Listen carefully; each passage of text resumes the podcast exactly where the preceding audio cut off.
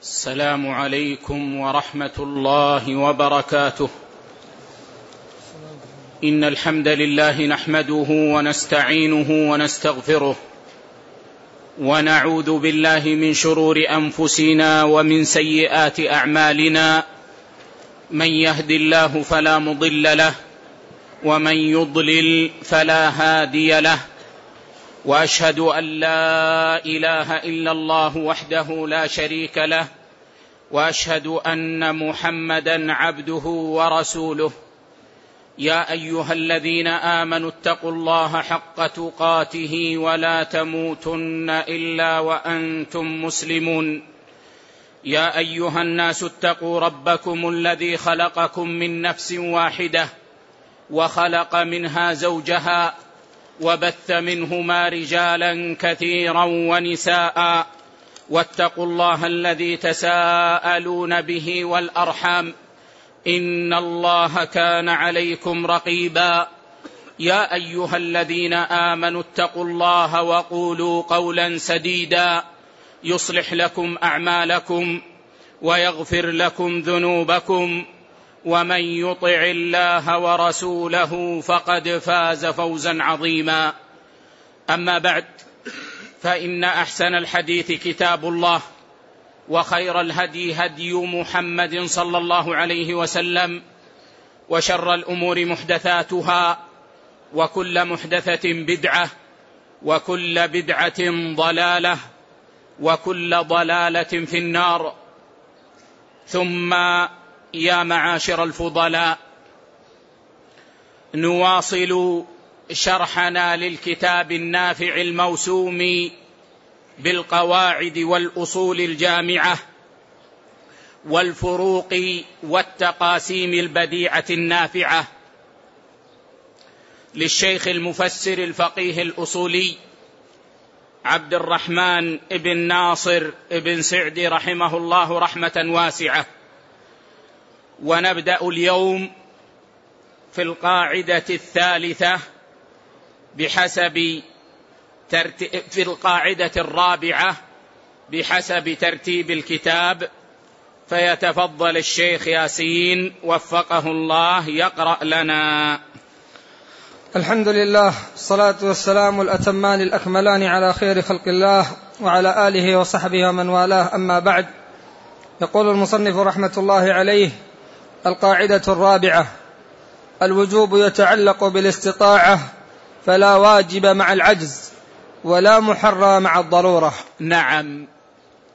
تقدم معنا أيها الفضلاء أن من أصول ديننا ومعالمه العظام التيسير ومن ذلك أن التكليف مشروط بالاستطاعة.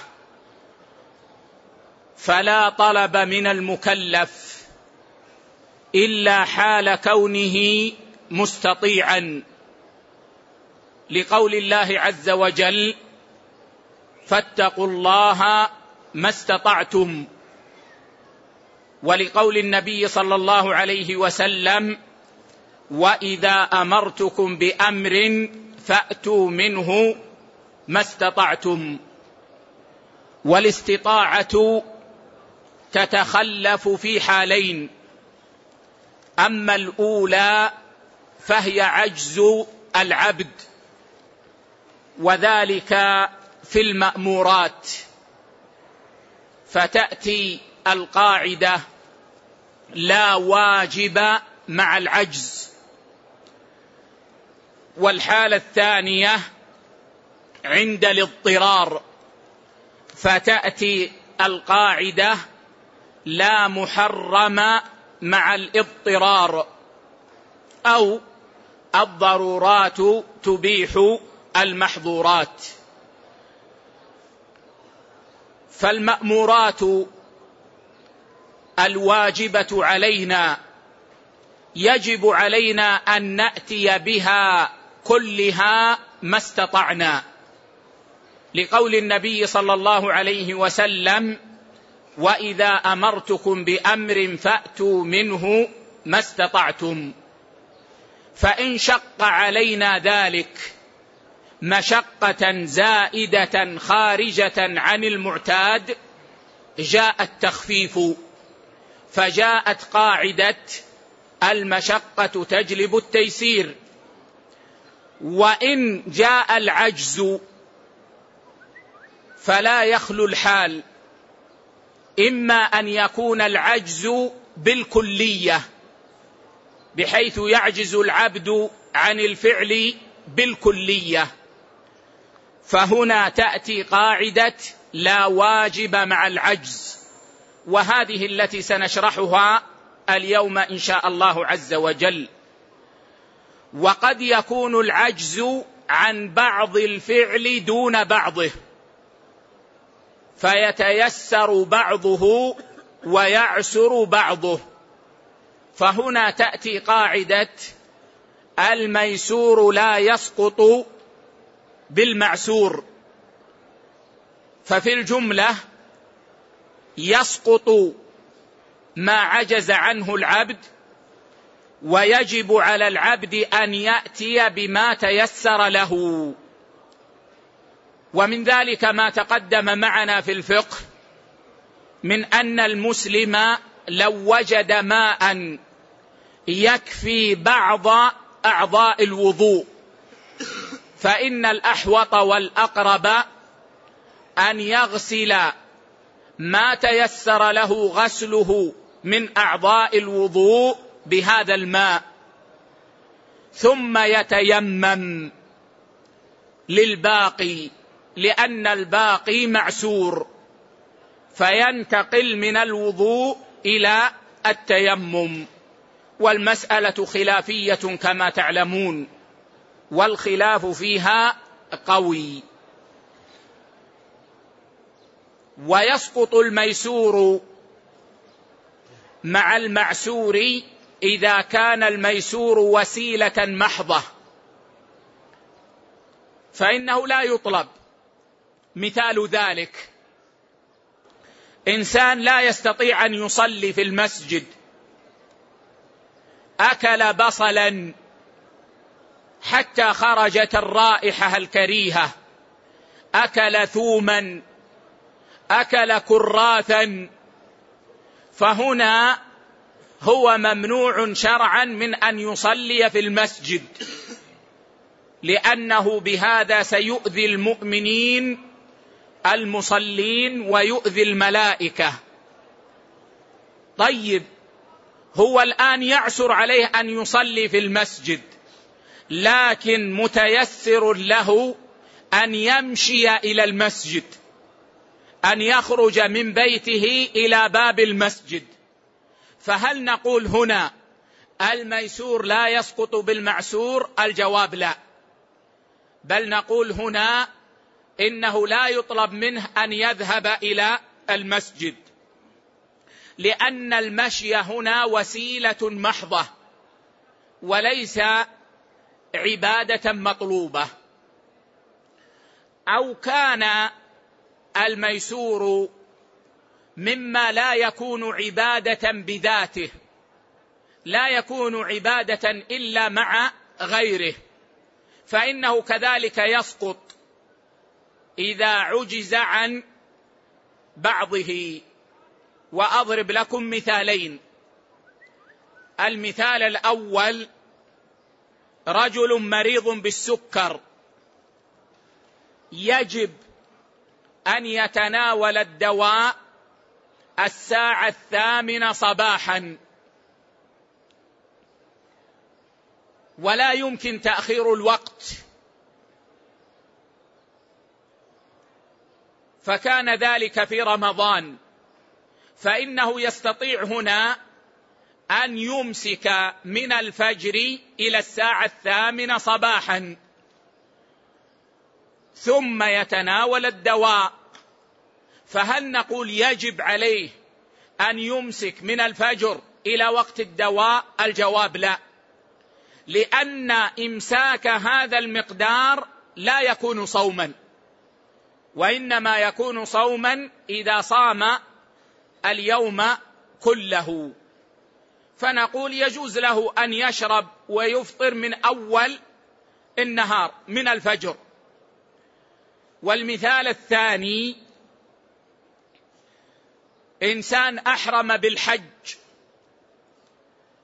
وفاته الوقوف بعرفة. ويستطيع أن يبيت في مزدلفة وأن يبيت في منى وأن يرمي الجمار.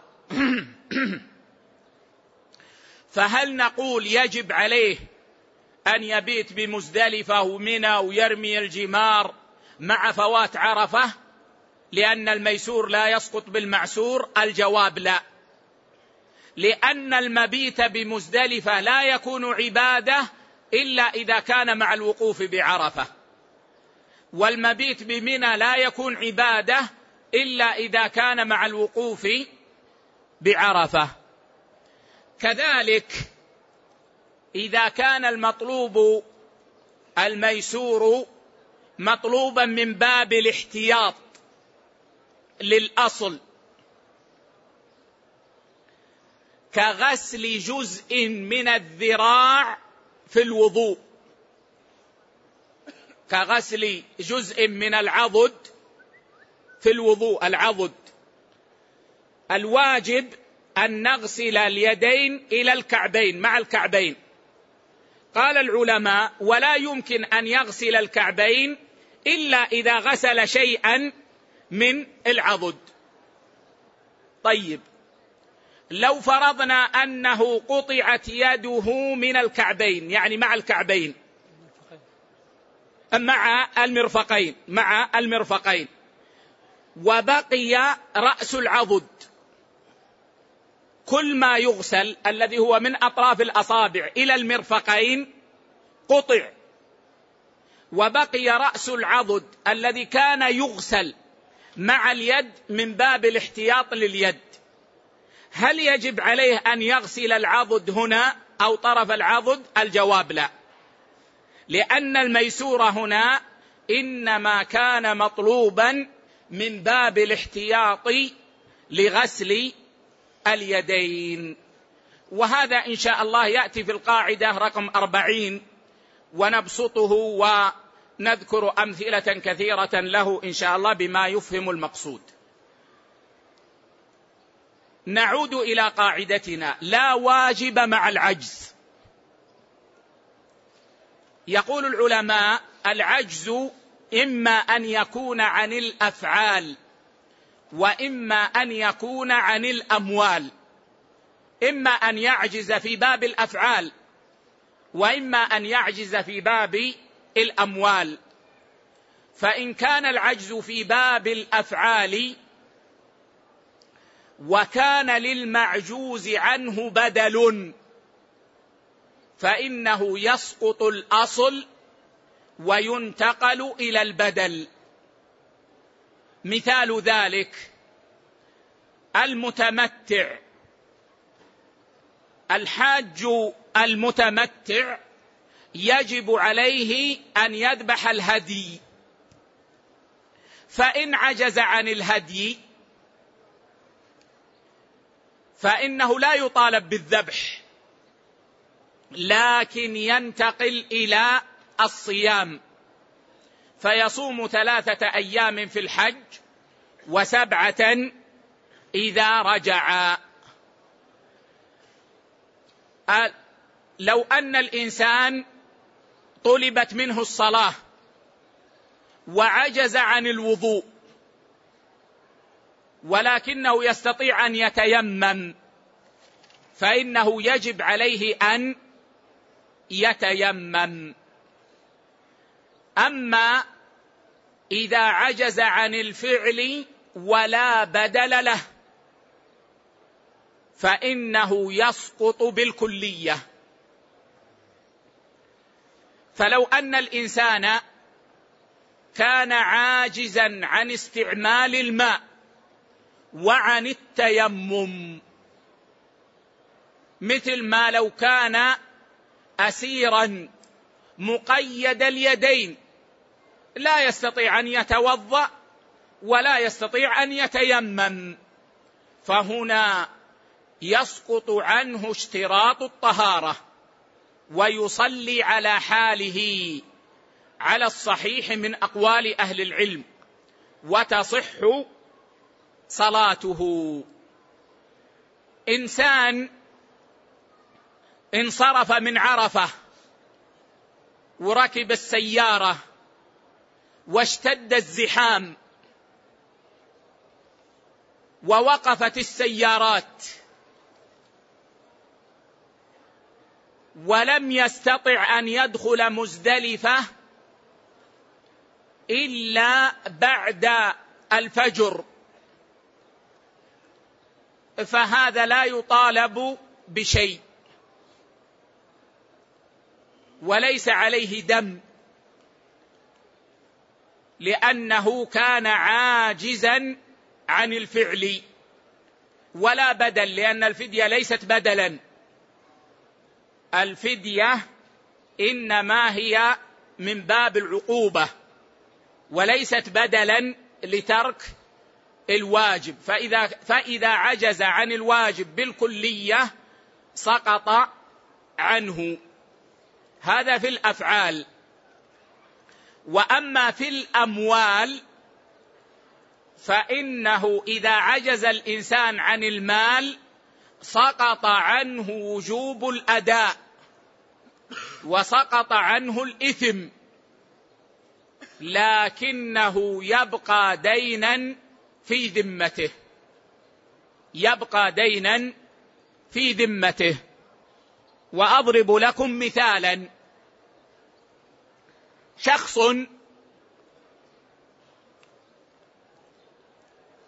وجبت عليه الزكاة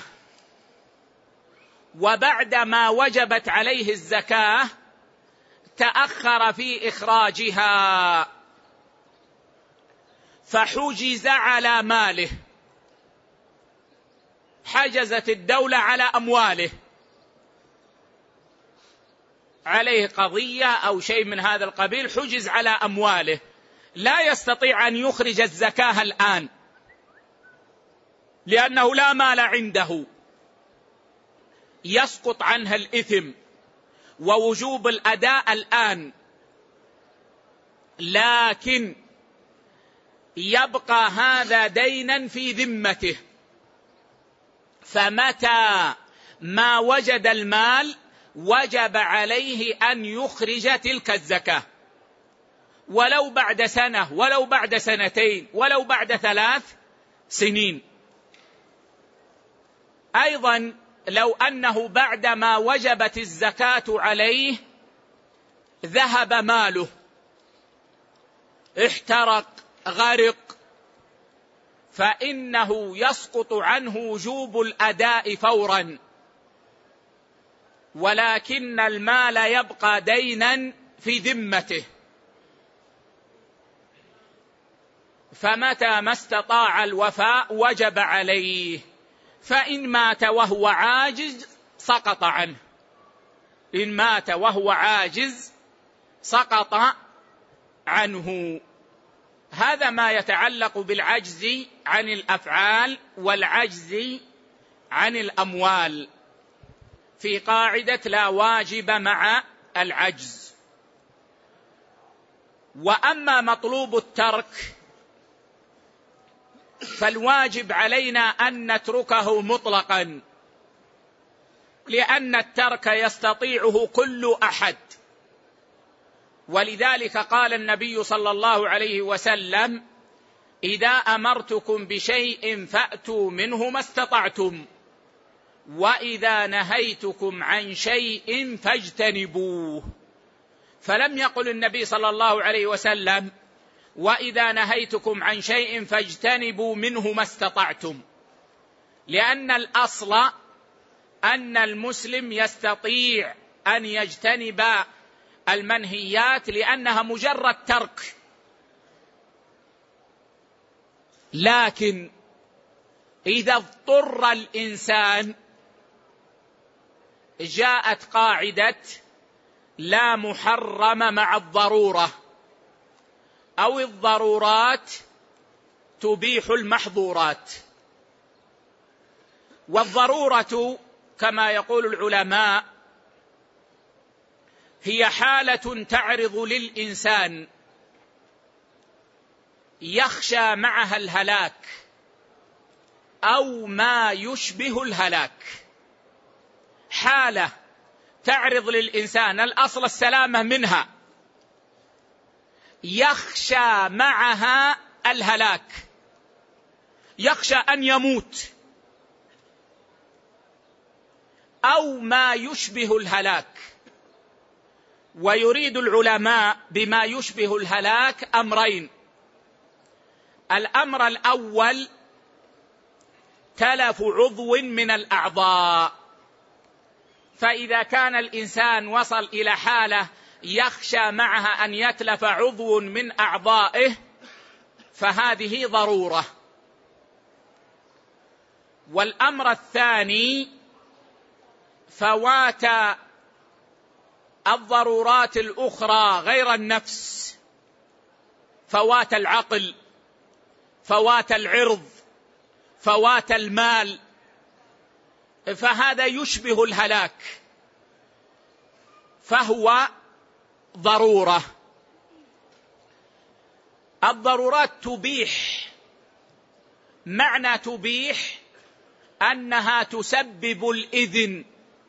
ليس المقصود بتبيح أنها تجعل الحرام مباحا فقط بل تسبب الإذن. لأن ارتكاب المحظور هنا قد يكون واجبا. وقد يكون مستحبا. وقد يكون مباحا. يعني مثلا إنسان يأكل فغص بلقمة وانسد الهواء وشعر بالموت فجيء بكأس خمر له. يجب عليه شرعا أن يتناول من هذا الخمر ما يزيل الغصة. يجب عليه أن ينقذ حياته ولا يجوز له أن يترك ذلك ويقول أصبر ولو مت. تناول المحرم هنا واجب. لأنه لا يجوز للإنسان أن يلقي نفسه في الهلكة مع إذن الشرع له بأن يتناول المحرم. تبيح المحظورات. المحظورات يعني المحرمات شرعا. فمعنى هذه القاعدة أن الإنسان إذا وقع في حال يخشى معه الهلاك أو ما يشبه الهلاك يباح له المحرم ويؤذن له في المحرم بما يدفع تلك الضرورة. بما يدفع تلك الضرورة. لكن العلماء يقولون إن لإباحة المحرم بالضرورة شروطا. لا بد منها.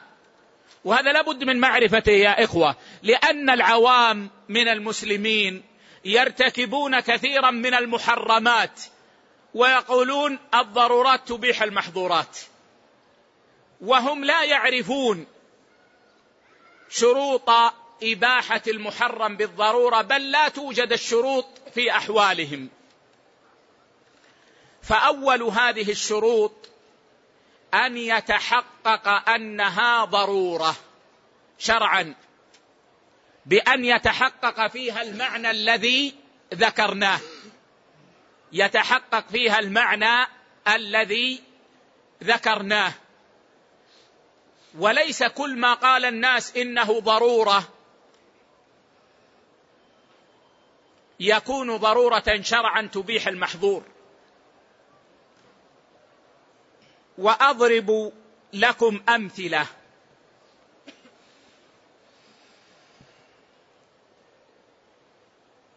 بعض الناس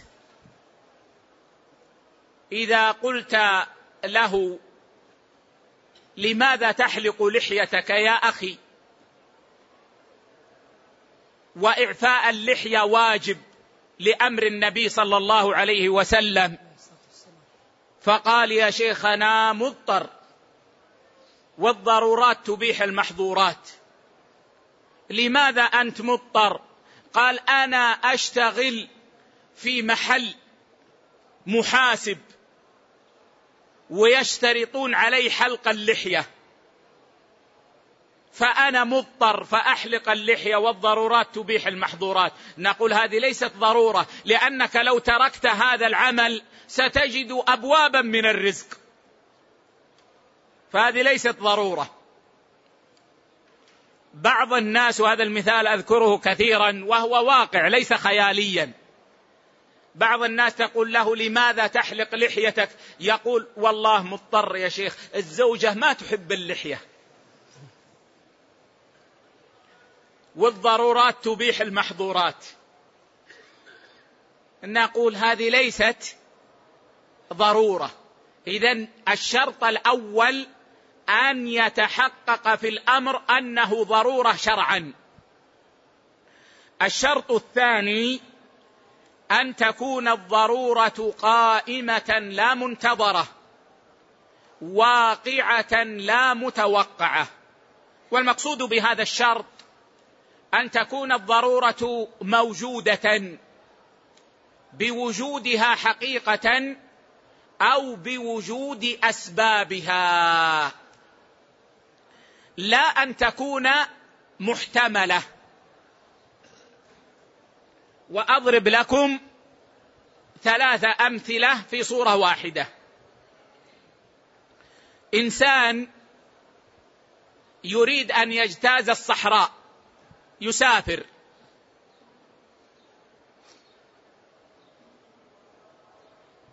فقال أنا سأمشي في الصحراء.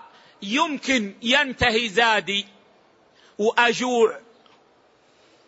وأقع في الضرورة. فأنا أريد أن آكل من الميت الآن وأبقي الزاد معي. نقول لا يجوز. لأن هذه الضرورة محتملة متوقعة منتظرة. يمكن أن تقع ويمكن الا تقع. المثال الثاني إنسان في الصحراء ولا زاد معه وأصابه الجوع الشديد حتى خاش خشي الهلاك وجد ميته. وجد ميته. هل يجوز له أن يأكل منها؟ نعم. يجوز له أن يأكل منها لأن الضرورة قائمة موجودة. طيب. قال الآن بقي علي في الطريق وأنا ما معي زاد. فهل يجوز لي أن أحمل من الميتة معي؟ نقول نعم يجوز. لأنك وإن دفعت الضرورة الآن بالأكل إلا أن سبب الضرورة لا زال موجودا قائما. فيجوز أن تحمل معك من الميتة بحيث إذا وقعت في الضرورة مرة أخرى وقعت في الجوع الشديد فإنك تتناول من هذه الميتة التي هي معك. فإنك لا تدري قد لا تجد ميتة أخرى. اذا انتبهوا يا إخوة الضرورة لا تخلو هنا من ثلاثة أحوال. الاحتمال الأول أن تكون قائمة موجودة وهنا تبيح المحظور. الاحتمال الثاني أن لا تكون موجودة لكن سببها موجود. فهنا يأخذ السبب قوة الوجود. فللإنسان أن يتزود مثلا من الميتة حتى يدفع الضرورة إذا وقعت. الحالة الثالثة أو الاحتمال الثالث أن تكون الضرورة محتملة. أن تكون الضرورة محتملة. ففي هذه الحال نقول لا يجوز للإنسان أن يرتكب المحظور. طيب نأتي بمثال واقعي. جاءنا رجل وقال أنا الحمد لله في المدينة لي سنوات وأعفيت لحيتي والحمد لله في المدينة وهذه بلد خير ولله الحمد والمنة. الآن أنا سأسافر إلى بلدي. ويمكن أني لو ذهبت بلحيتي أسجن وأعذب ويحصل لي كذا وكذا يمكن. فهل يجوز أن أحلق لحيتي؟ نقول لا ما يجوز. لأن هذه الضرورة متوقعة محتملة ليست واقعة. آخر.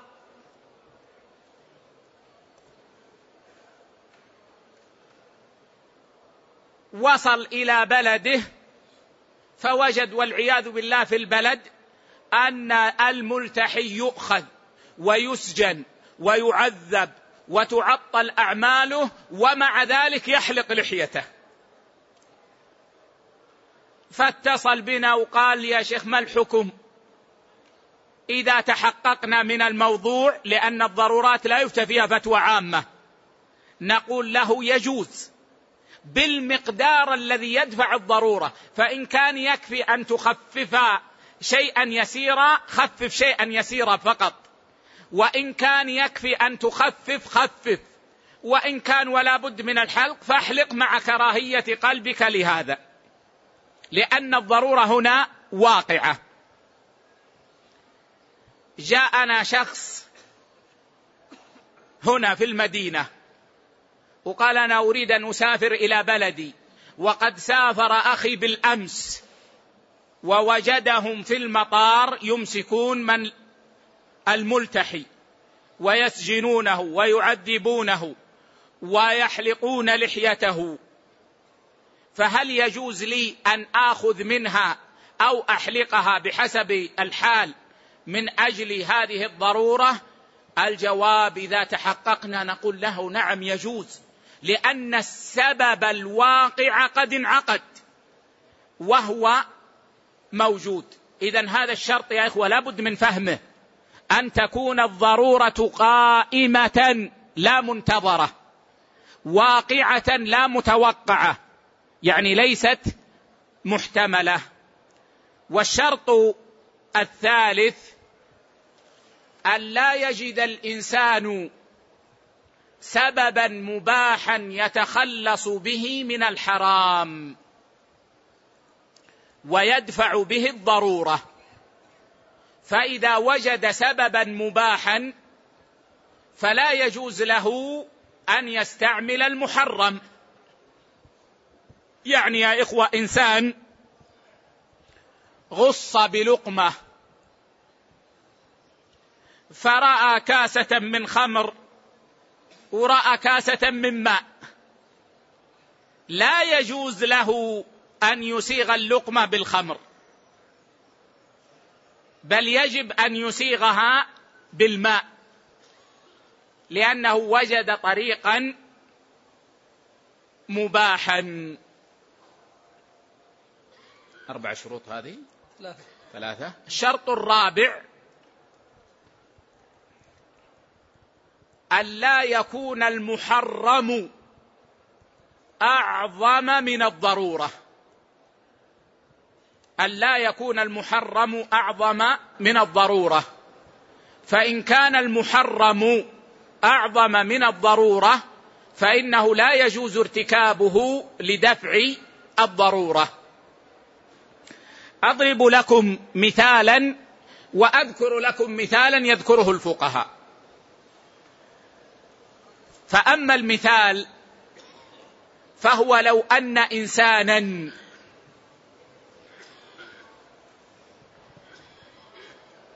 أكره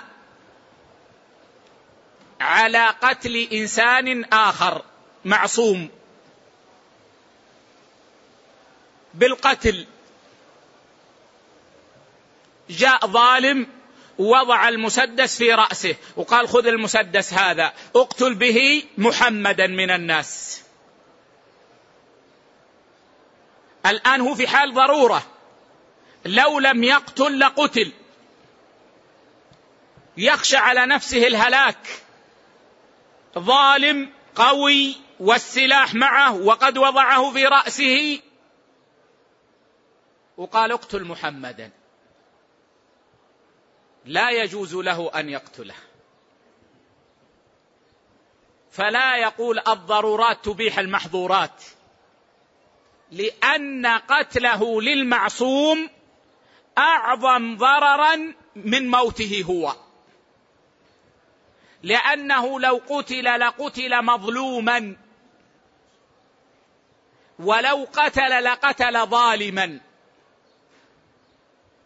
فقتله لغيره أعظم ضررا من موته. فلا يجوز له أن يقتله. الفقهاء لتقريب هذا الشرط ذكروا مثالا. قالوا لو وجد لو كان في جوع شديد وخشي الهلاك ووجد جثة نبي. معلوم يا إخوة أن الأنبياء عليهم السلام لا تأكل الأرض أجسادهم. يقولون إنسان في جوع شديد وخشي على نفسه الهلاك فوجد جثة نبي. قالوا لا يجوز له أن يأكل منها لقمة. لأن المحظور هنا أعظم ضررا من الضرورة. فلا يجوز له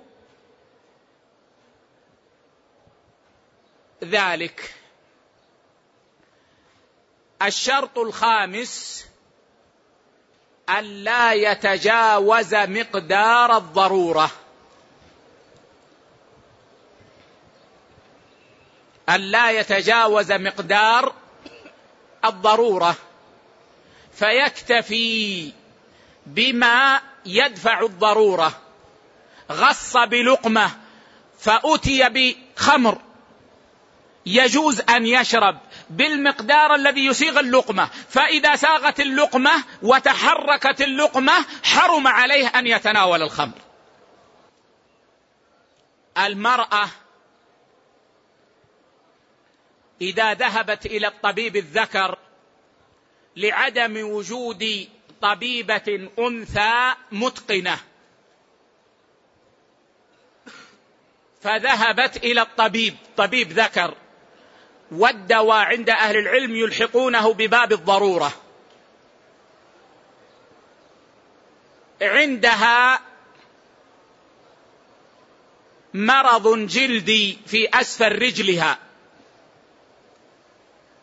آكلة أو حساسية في أسفل رجلها. ما في طبيبة أو في طبيبة غير محسنة غير متقنة. وجودها كعدمها. يجوز للمرأة أن تذهب إلى الطبيب الذكر. لكن لا يجوز لها أن تتجاوز مقدار الضرورة. فلا تكشف للطبيب إلا ما يحتاج إليه. بعض النساء إذا ذهبت إلى الطبيب متسترة محتشمة إلى أن تفتح باب الطبيب. إذا فتحت باب غرفة الطبيب ودخلت رفعت غطاء وجهها. وكشفت عن ذراعيها. والبلاء في رجلها. هذا لا يجوز. بل الواجب أن تغطي وجهها ولا تكشف من جسمها إلا ما يحتاج الطبيب أن ينظر إليه بحسب رأي الأطباء. فإذا قال الطبيب أنا أحتاج أن أنظر إلى العينين وإن كانت الحساسية في الرجلين فهو مصدق في صنعته ولكن بمقدار الضرورة ولا يجوز أن يزاد عن مقدار الضرورة. هذه شروط إباحة المحظور بالضرورة فلا بد من تحققها. فإذا تحققت جاءت القاعدة الشريفة الضرورات تبيح المحظورات. ونقرأ ما سطره الشيخ وقد ذكر بعض الأدلة في كلامه. نعم. قال رحمة الله عليه قال الله تعالى فاتقوا الله ما استطعتم. وثبت في الصحيح عنه صلى الله عليه وعلى آله وسلم أنه قال إذا أمرتكم بأمر فأتوا منه ما استطعتم. وهذه القاعدة تضمنت أصلين. في بعض النسخ بعد قول الشيخ عنه صلى الله عليه وسلم أنه قال إذا أمرتكم بأمر فأتوا منه ما استطعتم ذكر الشيخ ولله على الناس حج البيت من استطاع إليه سبيلا. وأشكل هذا على بعض الشراح ومنهم الشيخ ابن عثيمين رحمه الله. فقال لعل الشيخ لم يرد لم يذكرها على أنها آية. لأنها لو ذكرها على أنها آية ينبغي أن يقدمها على الحديث. لكنه ذكرها بعد الحديث. وليس في هذا إشكال يا إخوة لأن الشيخ ذكر الآية الأولى فاتقوا الله ما استطعتم وهذا أصل كلي في الدين كله. وذكر الحديث وإذا أمرتكم بأمر فأتوا منه ما استطعتم وهذا أصل كلي في الدين كله. ثم ذكر جزئية من جزئيات الدين. وهي مسألة الحج. فذكر هذه الآية بعد ذكر الحديث لأن الحديث أصل كلي والآية في فرع جزئي وهو الحج. نعم. قال رحمة الله عليه وهذه القاعدة تضمنت أصلين أحدهما سقوط كل واجب مع العجز. إما أن تقول أحدهما أو تقول نعم. أحدهما. نعم نعم. أحدهما سقوط كل واجب مع العجز. والثاني إباحة المحظورات عند وقوع الاضطرار إليه. كما قال تعالى أيضا في الأصل الثاني بعدما حرم الميتة والدم وما عطف عليهما وما عطف عليهما فمن اضطر في مخمصة غير متجانف لإثم فإن الله غفور رحيم. نعم. فمن اضطر في مخمصة لأن الآية في المأكولات في المطعومات. فمن اضطر في جوع شديد غير متجانف لإثم يعني غير مائل للحرام غير مريد للحرام وإنما هو مضطر لهذا الحرام. فإن الله غفور رحيم وهذا يقتضي أنه يجوز له أن يأكل. وقول الله عز وجل غير متجانف لإثم هذا دليل لشرطين من الشروط. أما الأول فهو أن يقتصر على مقدار الضرورة لأنه إذا زاد عن مقدار الضرورة فهو متجانف للإثم. والشرط الثاني ألا يجد سببا مباحا لدفع الضرورة. لأنه إذا وجد سببا مباحا لدفع الضرورة فمال للمحرم فهو متجانف للإثم. نعم. قال يرحمه الله وقال وما لكم ألا تأكلوا مما ذكر اسم الله عليه وقد فصل لكم ما حرم عليكم إلا ما اضطررتم إليه.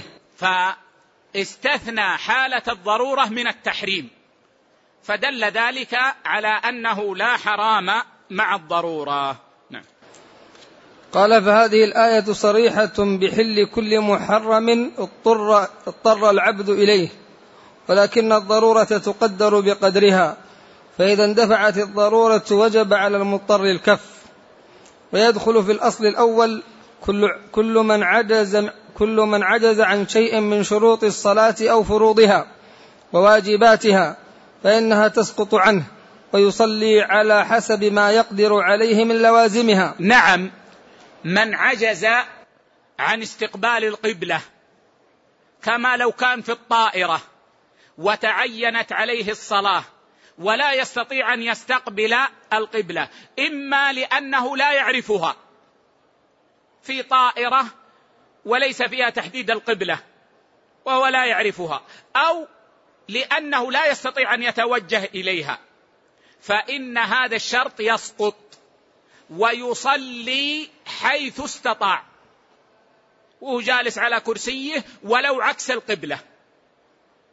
يصلي يسقط هذا الشرط. من كان لا يستطيع القيام في الصلاة يسقط عنه شرط القيام في الفريضة ويصلي قاعدا وهكذا. نعم.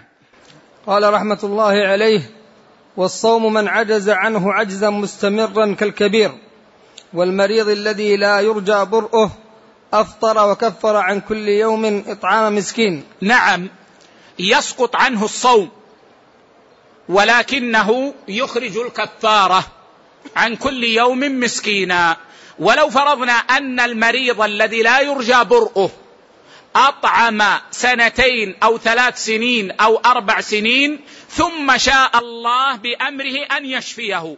فشفي فإنه لا يطالب بالقضاء لأن الصوم قد سقط عنه أصلا ولزمته الكفاره بأن يطعم عن كل يوم مسكينا وقد فعل ما وجب عليه لكن يصوم للمستقبل. إذا شفاه الله يصوم الأشهر التي تأتي وهو بعافية. نعم. قال رحمه الله ومن عجز عنه لمرض يرجى زواله أو لسفر أفطر وقضى عدة أيامه إذا زال عذره. والعاجز عن الحج ببدنه إن كان يرجو زواله صبر حتى يزول. نعم العاجز عن الحج ببدنه مريض لكنه يرجى له الشفاء فإنه لا يجوز أن ينيب بل يصبر حتى يشفى ثم يحج أو كان عاجزا بماله ما عنده مال. ما يستطيع يأتي من المغرب ما يأتي ما يستطيع يأتي من إندونيسيا. فهل ينيب؟ الجواب لا. لأن الفقر يمكن أن يزول. فينتظر حتى يزول أو يعجز. نعم. قال رحمة الله عليه وإن كان لا يرجو زواله أقام عنه نائبا يحج عنه. إذا كان لا يرجو زواله وكان عنده مال يستطيع أن ينيب به يجب عليه أن يقيم نائبا يحج عنه. أما إن كان لا يستطيع ببدنه ولا بماله سقط عنه وجوب الحج. فإن تبرع أحد بالحج عنه فهذا حسن لكن لا يجب عليه شيء لأنه عاجز. نعم. قال رحمة الله عليه وقال تعالى ليس على الأعمى حرج ولا على ولا على الأعرج حرج ولا على المريض حرج. وذلك في كل عبادة توقفت على البصر أو الصحة أو سلامة الأعضاء كالجهاد ونحوه. ولهذا اشترطت القدرة في جميع الواجبات. ومن لم يقدر فلا يكلفه الله ما يعجز عنه.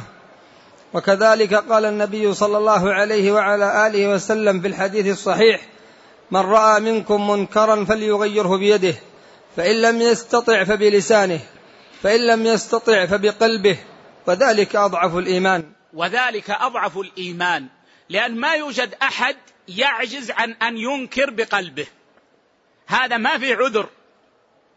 أما الإنكار باللسان واليد فقد يعجز عنه الإنسان فيسقط ذلك عنه. نعم.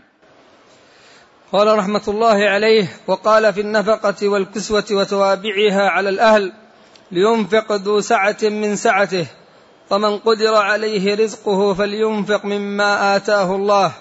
لا يكلف الله نفسا إلا ما آتاها سيجعل الله بعد عسر يسرا. وهذه الآية سنعلق عليها إن شاء الله في قاعدة العادة. نعم.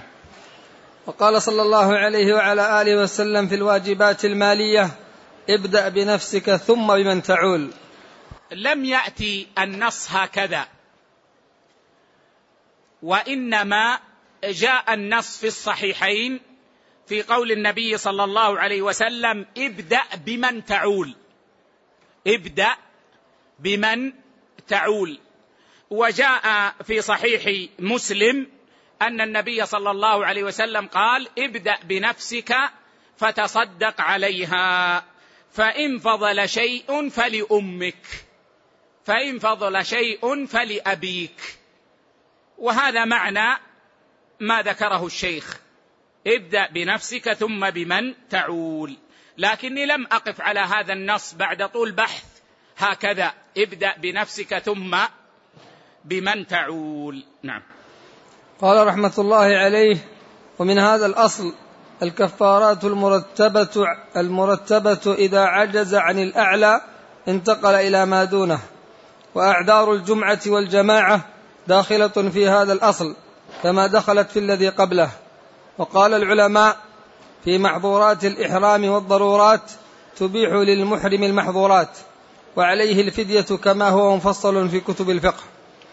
ومن فروعها جواز الانفراد في الصف إذا لم يجد موضعا في الصف الذي أمامه لأن الواجبات التي هي أعظم من المصافة بالاتفاق تسقط مع العجز فالمصافة من باب أولى وأحرى. تعلمون أن العلماء اختلفوا. فجمهور أهل العلم يقولون يصح تصح صلاة المنفرد خلف الصف.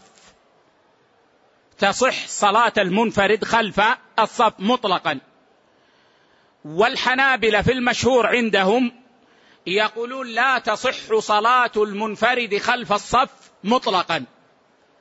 لأن النبي صلى الله عليه وسلم قال لا صلاة لمنفرد خلف الصف. ورأى رجلا يصلي خلف الصفوف فأمره بأن يعيد الصلاة وقال فإنه لا صلاة لمن خلف الصف. وشيخ الإسلام ابن تيمية قال هذا الرأي الذي ذكره الشيخ هنا. يقول إن وجد مكانا في الصف فلا تصح صلاته خلف الصف. لكن إذا لم يجد مكانا فإن صلاته تصح. لماذا؟ قال غاية ما هنالك أن يكون هذا شرط. والشرط عند العجز عنه يسقط. كما قلنا في الطهارة واستقبال القبلة وهي أولى من هذا المختلف فيه تسقط عند العجز فكذلك هنا.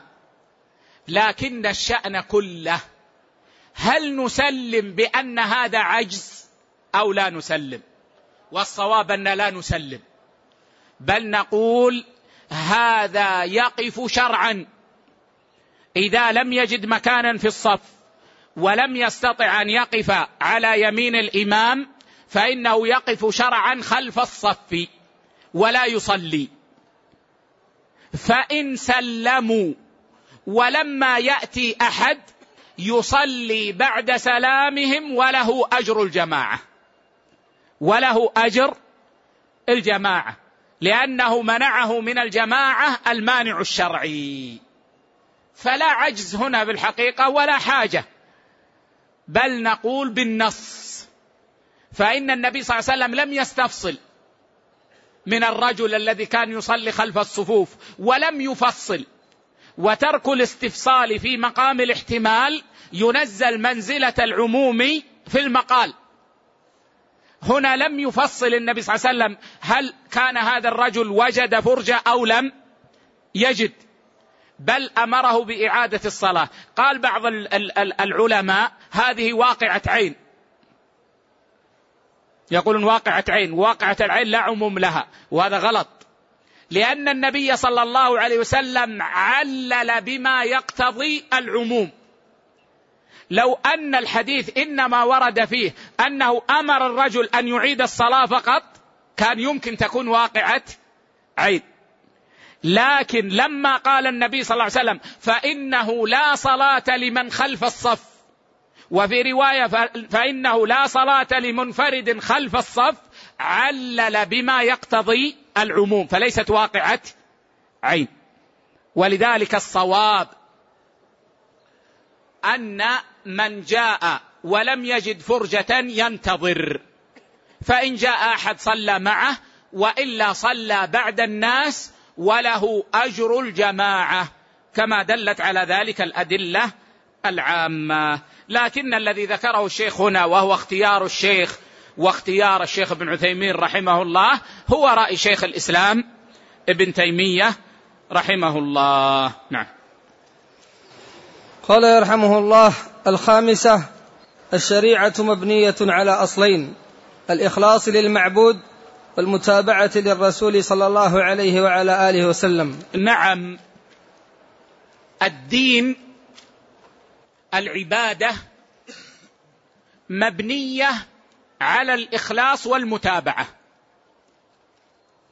فلا يقبل الله عملا اختل فيه الإخلاص.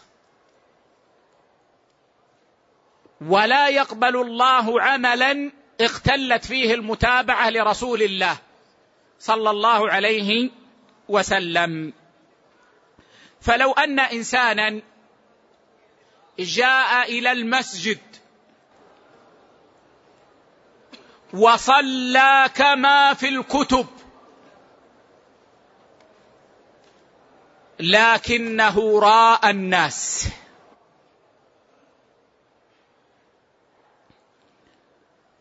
فإن صلاته مردودة عليه. مع أنه صلى على السنة.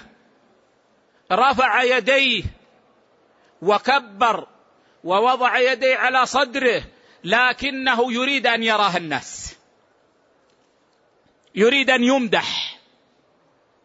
رأى بصلاته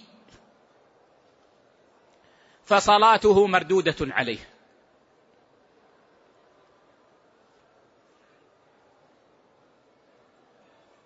ولو أن إنسانا جاء إلى المسجد وهو مخلص لله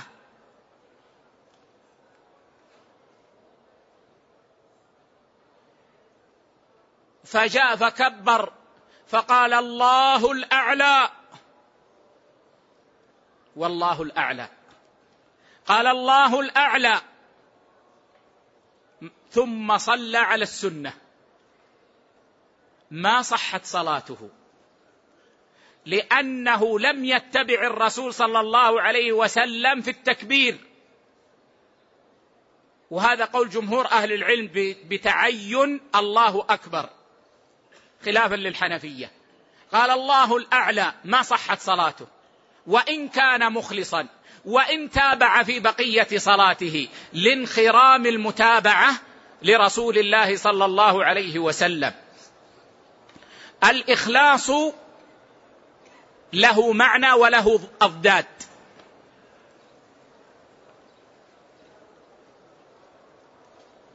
والمتابعة لها معنى ولها ضد. فالإخلاص في الجملة أن تعمل العمل تبتغي وجه الله. أن أن تعمل العمل تبتغي وجه الله. بعض أهل العلم يقول أن تعمل العمل مع قطع النظر عن الناس وعما في أيدي الناس. أن تعمل العمل مع قطع النظر عن الناس. فأنت لا تريد من الناس مدحا ولا ثناء. وعما في أيدي الناس فأنت لا تريد الدنيا. وإنما تريد وجه الله سبحانه وتعالى. ويضاد الإخلاص أمران. الأمر الأول الرياء.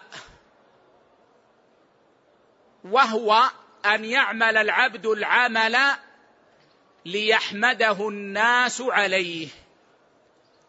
أن يعمل العبد العمل ليحمده الناس عليه. من أجل ثناء الناس عليه. فهذا إذا وجد في العمل كله فالعمل باطل بالاتفاق. إنسان منذ أن كبر وهو يرائي الناس. رفع يديه ليقول الناس ما شاء الله يصلي على السنة. الله أكبر وضع يديه على صدره ليثنى عليه. أظهر الخشوع ليثنى عليه. ركع من أجل إلى أن سلم. هذا عمله باطل باتفاق المسلمين. فلو أن إنسانا دخل في الفرض وهو يرائي الناس حتى فرغ من الفرض ما برئت ذمته من الفرض. ويجب عليه أن يأتي بالصلاة مرة أخرى. وإن وجد في أول العمل المتصل فهو مبطل للعمل.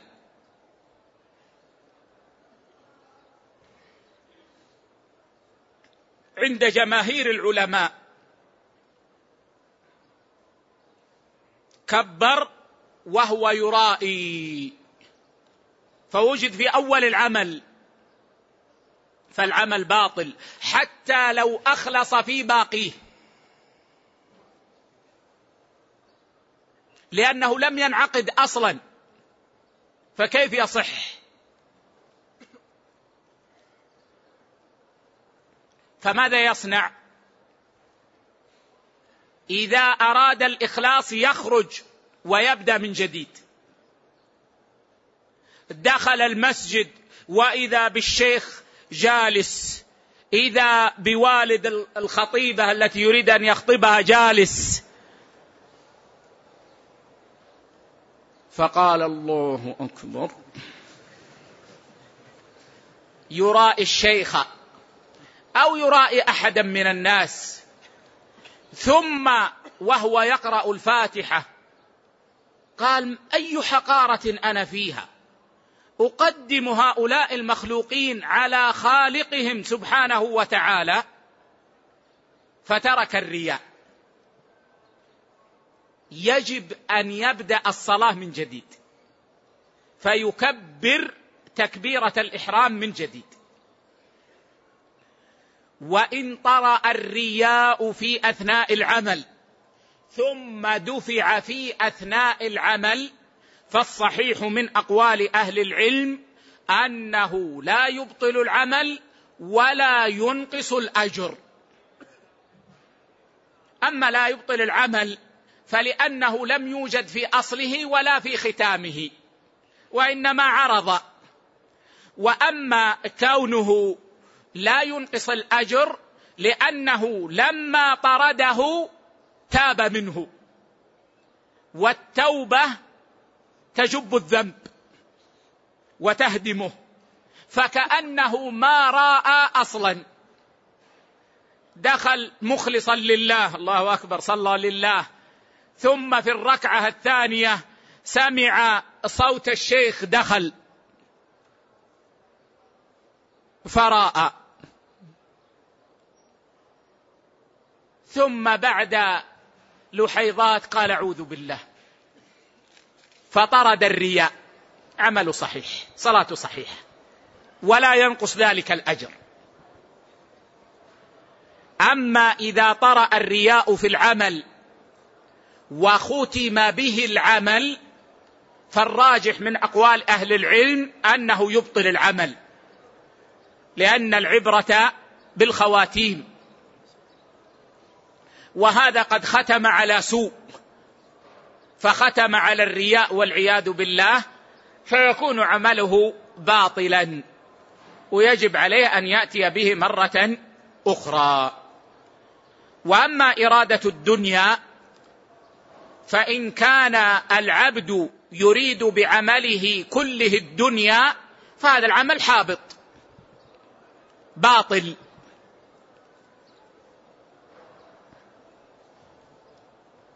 يأثم به الإنسان. إنسان يتعلم في الجامعة الشرعية أو المعهد الشرعي وهو لا يريد إلا الدنيا. من أول سنة إلى أن تخرج وهو يريد الشهادة. للدنيا أيضا لأن إرادة الشهادة قد تكون لوجه الله. لكنه يريد الشهادة للدنيا إرادته كلها للدنيا فهذا عمله باطل. ويأثم به. أما إذا كان يريد وجه الله ويريد الدنيا فهذه الإرادة إن كان الله أذن فيها فإنها لا تضر. كمن يصل رحمه يريد وجه الله ويريد أن يوسع عليه في رزقه. فهذا لا يضر. وكمن يحج يريد وجه الله ويريد أن يتاجر في الحج. فهذا لا يضر.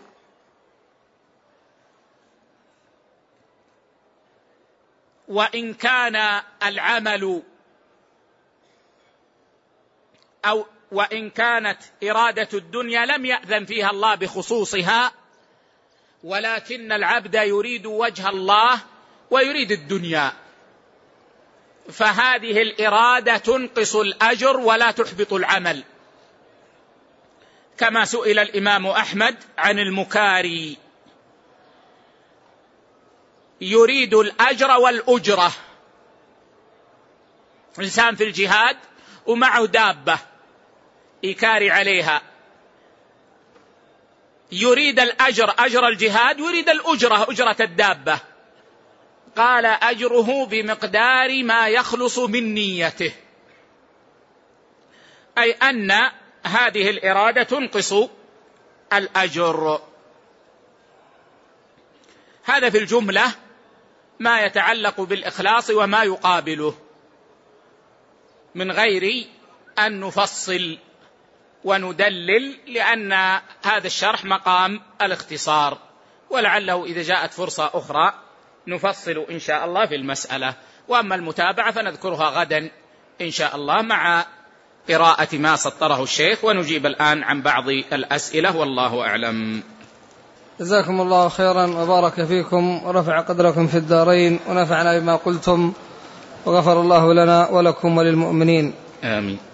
يقول هذا في بلدنا تقتل الدجاج بالصعق الكهربائي وهذا كلام غير واضح لكن يقول يبيعون في محلاتهم ماذا نفعل؟ لا يجوز أن تؤكل الذبيحة إلا إذا ذكيت الذكاه الشرعية. فإذا كانت تصعق صعقا يقضي عليها فإنها ميتة. لا يجوز أكلها. لكن ننبه أن الصعق نوعان. صعق للقضاء على الذبيحة. يتلف خلايا المخ. ولا يمكن أن تعيش مرة أخرى لو تركت. فهذه ميتة حتى لو لو لو, لو قطع عنقها. ما دام أنها صعقت قبل بهذه الطريقة. والنوع الثاني صعق للتخدير. لا يصل إلى الإتلاف. ولكنه يخدر الذبيحة. وضابط ذلك أنها لو تركت فترة لقامت حية. يضبطون الصاعق على مقدار من الفولت بحيث أنه لا يتلف الخلايا ولكن يسكن الذبيحة. كأنها ربطت. ثم تذكى. فهذا لا يضر.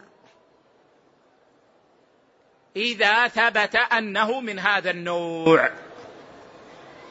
نعم. جزاكم الله خيرا وأحسن إليكم. يقول ما لا يتم الواجب إلا به فهو واجب ولا يدخل في القاعدة السعي للنصاب. فهل يدخل في القاعدة السعي للهجرة من بلد الكفر إلى بلد الإسلام؟ وما هو الفرق بين السعي للنصاب والسعي للهجرة؟ يا إخوة السعي للنصاب سعي للإيجاب. يعني لو لم يوجد النصاب هل يوجد وجوب؟ ما يوجد وجوب وليس مطلوبا منك أن توجب الشيء عليك. لكن المطلوب منك أن تفعل الواجب عليك. فما لا يتم فعلك الواجب إلا به فهو واجب عليك. إقامتك لدينك واجبة. ولا تتم إقامتك لدينك إلا بالهجرة من ديار الكفر إذا كنت لا تستطيع أن تقيم دينك هناك. فلو لم يرد دليل على وجوب الهجرة لقلنا إن الهجرة من ديار الكفر التي لا يستطيع المسلم أن يقيم دينه فيها واجبة. لأن الواجب عليه أن يقيم دينه ولا تتم إقامة دينه إلا بالهجرة. فيجب عليه أن يهاجر. اذا الفرق بين السعي للهجرة حتى تهاجر أنك هنا لا تسعى للإيجاب وإنما تسعى لفعل الواجب أصلا. أما بالنسبة للزكاة فلا يوجد الوجوب أصلا إلا إذا وجد النصاب. نعم. جزاكم الله خيرا وأحسن إليكم. يسأل عن حكم السترة للمصلي.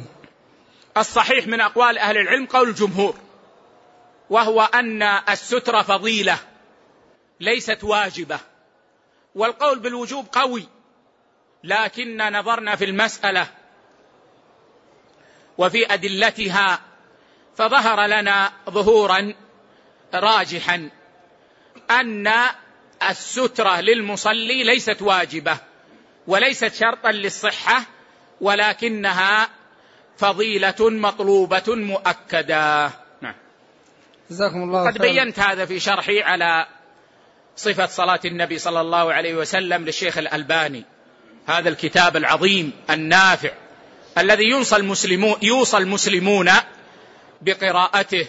فقد اجتهد الشيخ رحمه الله الشيخ الألباني في جمع صفة صلاة النبي صلى الله عليه وسلم.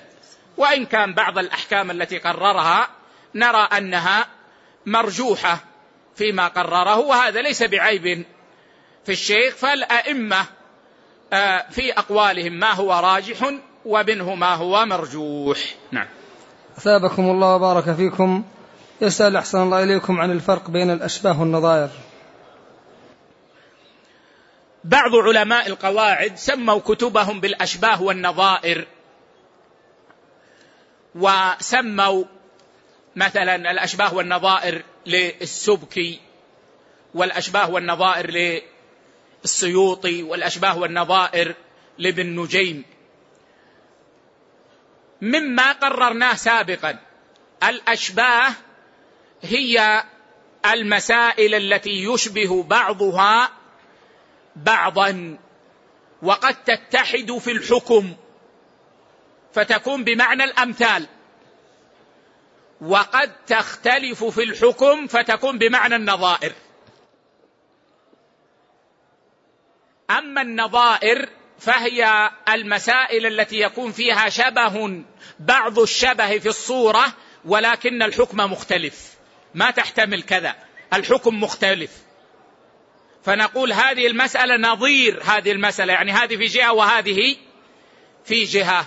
فهذا الفرق بين الأشباه والنظائر أن الأشباه قد تتحد في الحكم وقد تفترق في الحكم. فإن اتحدت في الحكم فهي كالأمثال. وإن افترقت في الحكم نبدأ نفتش ما هو الفارق المؤثر لأنها تشبه بعضها. أما النظائر فهي تشبه بعضها وجه بعض الشبه. ولكنها تختلف في الحكم فهنا لسنا بحاجة للبحث عن الفارق لأن الأصل هو الفارق. والشبه بينهما قليل. ولعل في هذا كفاية وموعدنا غدا إن شاء الله. والله أعلم وصلى الله على نبينا وسلم.